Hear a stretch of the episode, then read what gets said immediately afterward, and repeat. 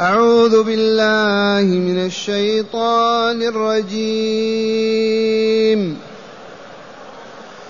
قل إن أدري أقريب ما توعدون أم يجعل له ربي أمدا عالم الغيب فلا يظهر على غيبه أحدا إلا من ارتضى إلا من ارتضى من رسول فإنه يسلك من بين يديه ومن خلفه رصدا. ليعلم أن قد أبلغوا رسالات ربهم وأحاط بما لديهم وأحاط بما لديهم وأحصى كل شيء عددا. أحسنت. معاشر المستمعين والمستمعات من المؤمنين والمؤمنات قول ربنا جل ذكره قل إن أدري قريب ما توعدون أم يجعل له ربي أمدا. سبب نزول هذه الآية أن المشركين الفجر الكفار في مكة ولهم رؤساء شياطين يتحدون الرسول قل هات العذاب الذي تخوفون به. أين العذاب؟ هات العذاب. ومع هذا والله أذلهم الله وأخزاهم في بدر وقتل منهم سبعون صنديدا من شياطينهم. سبعون. فهم يقولون هات العذاب الذي تخوفنا وتتوعدنا ما رأينا هات فأمره الله تعالى أن يقول لهم قل يا رسولنا المبلغ عنا إن أدري أي ما أدري أقريب ما توعدون في يوم الأيام أم يجعل له ربي أمدا؟ تاريخ معين معين مبذول. قل إنما قل قل إن أدري إن بمعنى ما. قل ما أدري أقريب ما توعدون ما يعيدكم الله من العذاب مقابل الكفر والشرك والظلم والعناد. أم يجعل له ربي أمدا وتاريخ معين بعيد. وقد قلت لكم ذاقوها في بدر في السنة الثانية من الهجرة فانهزموا شر هزيمة قاتلتهم الملائكة وقتل منهم سبعون صنديدا. ثم ما هي إلا ست سنوات وقد فتح الله على رسوله مكة. وأذعنوا وخضعوا وذلوا ودخلوا في الإسلام. والظالمون هلكوا كلهم في بدر. هكذا يقول تعالى لرسوله صلى الله عليه وسلم قل إن أدري أي ما أدري أقريب ما توعدون من يعيدهم غير الله؟ لا أحد. الله وعدهم بالعذاب. أم يجعل له ربي أمدا أي أجلا معين بعيدا أو قريبا؟ وقوله تعالى عالم الغيب. من هو عالم الغيب؟ الله. إن الغيب إلا لله. لا يعلم الغيب إلا الله. نحن نعلم ما نبصر ونسمع ونلمس ولكن ما وراء ذلك لا نعلم. كل ما غاب عنا هو غيب.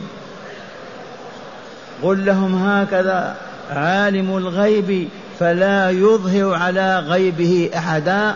اللهم إلا من ارتضى من رسول ومن هنا ينبغي أن نعلم أن من يدعي أنه يعلم الغيب أنه كافر ومكذب لله عز وجل وخارج عن دينه.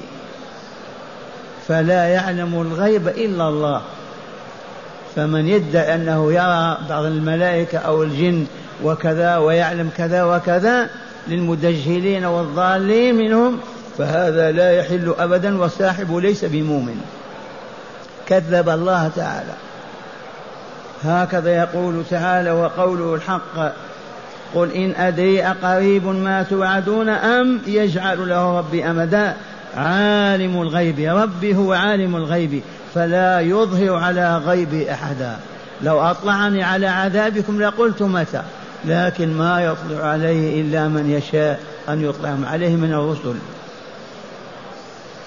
إلا من ارتضى من رسول لكن من ارتضاه ورضيه نبيا له ورسولا يطلعه على الغيب بما يشاء. فالرسل عليهم السلام ثلاثمائة وأربعة عشر رسولا يعلمون الغيب بتعليم الله تعالى لهم. أما بدون تعليم الله والله ما يعلمون أبدا. فلا يعلم الغيب إلا الله.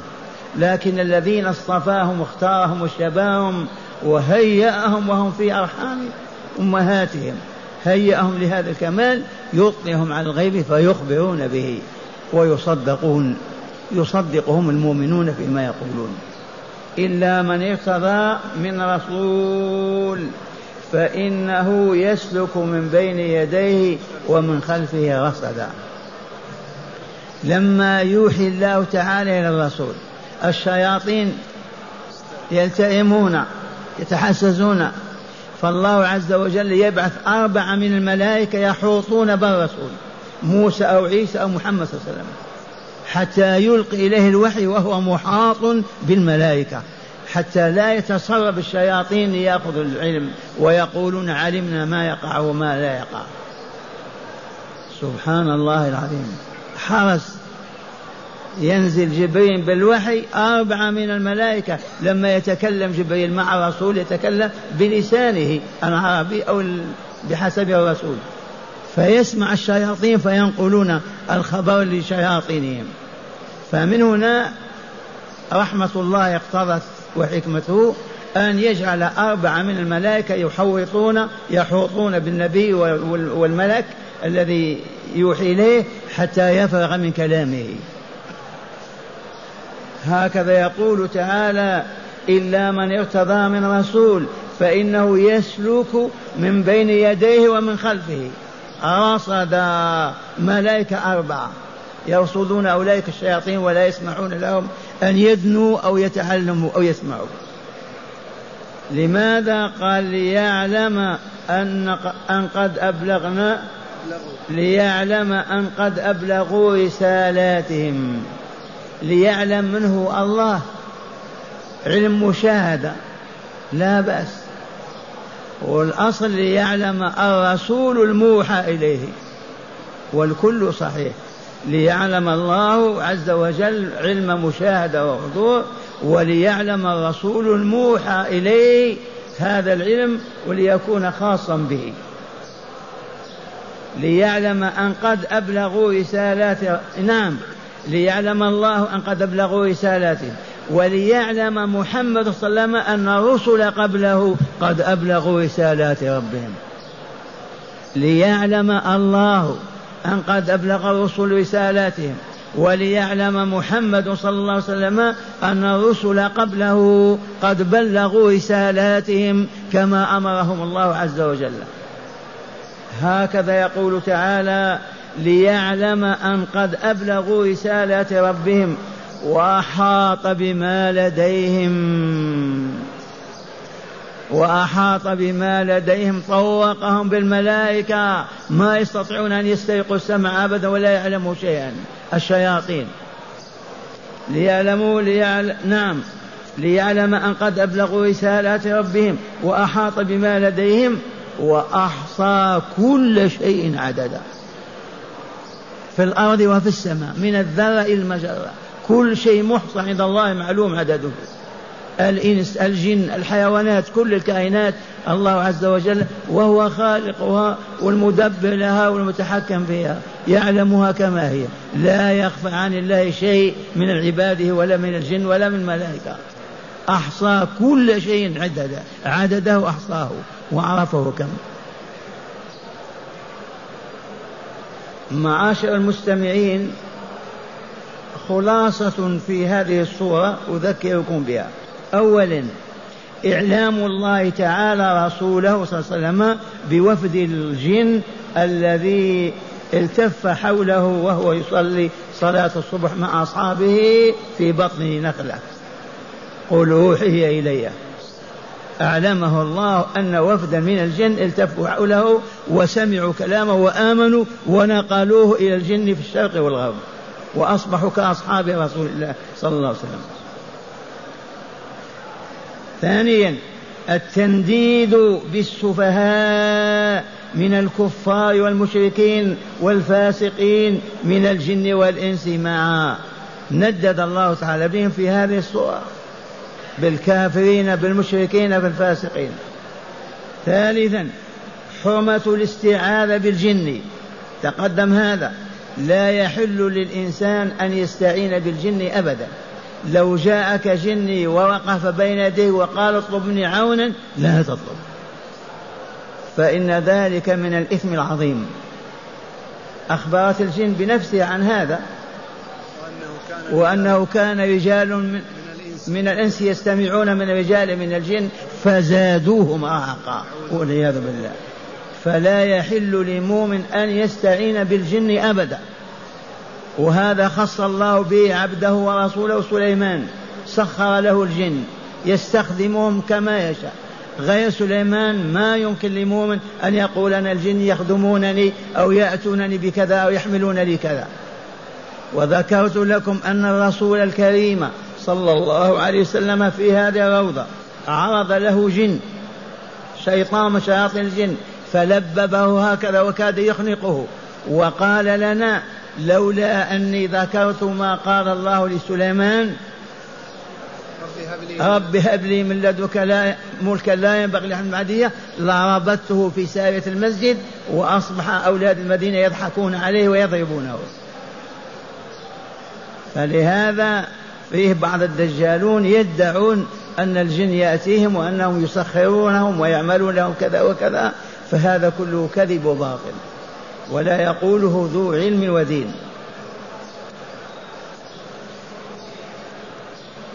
رابعا تفرق الجن كالإنس في الديانات والمذاهب والطرق.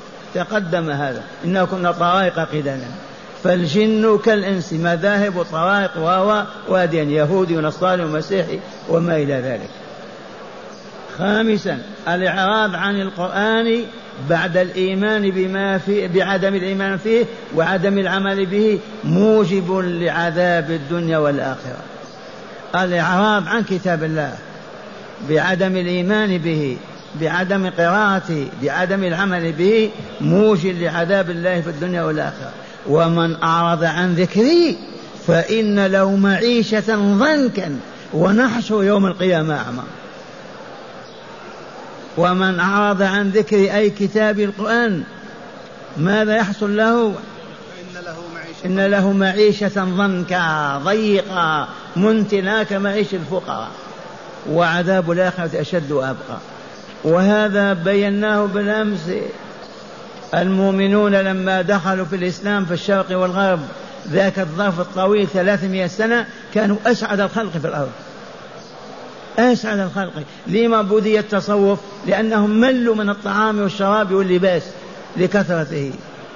فلما أعرضوا عن القرآن وحولوا للموتى أصابهم الذي أصابهم وهم يعيشون فيه. ومن أعرض عن ذكري فإن له معيشة ضنكا ونحشر يوم القيامة أعمى. قال رب لم حشرتني أعمى وقد كنت بصيرا. قال كذلك آتتك آياتنا فنسيتها وكذلك اليوم تنسى. آه القرآن. على المسلمين أن يرجعوا إليه يطبقون أحكامه وشرعه ويقومون بآدابه وأخلاقه وبالعبادات كما كان ينزل على رسول الله وأصحابه وإلا فعيشة الضنك موجودة. ثالثا معصية الله ورسوله موجبة للخلود في جهنم. ومن يعصي فإن له نار جهنم خالدا فيها. والعياذ بالله معصية الله ورسوله هي أن لا نعمل بما أمر الله بالعمل به ولا ننتهي عما نهانا الله عنه. ذي المعصية لله وللرسول. والله لموجب للخلود في جهنم. سابعا علم الغيب كما علمنا الآن لله. إن الغيب إلا لله. ينزل جبريل ليلقي الوحي إلى الرسول يحاط بسياج من الملائكة. حتى الشياطين لا يسترقون السمع لأن الشياطين كما علمتم من الجن يفهمون ما تقول الملائكة لقرب وجود بعضهم البعض. هذا من النار وهذا من النور. هذا وهيا بنا مع هداية الآيات الأربعة. بسم الله والحمد لله. الصلاة والسلام على خير خلق الله سيدنا ونبينا محمد وعلى آله وصحبه. من هداية هذه الآيات أولا استئثار الله تعالى بعلم الغيب فلا يعلم الغيب إلا الله. من هداية هذه الآيات الأخيرة استئثار الله تعالى بالغيب فلا يعلم الغيب إلا الله. ومن علمه الله علم لكن من يعلم الله؟ المجانين والصعالك الفساق والفجار والكفار. يعلمن رسله فقط. يصطفيهم من الناس ويهيئهم ويعدهم لذلك فتطيب نفوسهم فيأتيهم الغيب من الله عز وجل. ما عدا الرسول فلا أحد يعلم الغيب. استأثر الله به. نعم. ثانيا قد يطلع الله تعالى من ارتضى أن يطلعه من الرسل على غيب خاص ويتم ذلك بعد حماية كاملة من الشياطين كي لا ينقلوه إلى أوليائهم فيفتنوا, فيفتنوا به الناس. أعد لهم هذا بصوت عالي. قال قد يطلع الله تعالى من ارتضى أن يطلعه من الرسل على غيب خاص ويتم ذلك بعد حماية كاملة من الشياطين كي لا ينقلوه إلى أوليائهم فيفتنوا به الناس. وأخيرا. وأخيرا بيان إحاطة علم الله بكل شيء وإحصائه تعالى لكل شيء عدا. نعم وأحصى كل شيء عددا. الله والله لا مطلع على كل شيء في هذه الأكوان إذ هو خالقها والمدبر لها ولا يخفى عليه شيء من أمر الخلق أبدا وكل شيء عده عد وأحصاه عد فآمنوا به وأحبوه.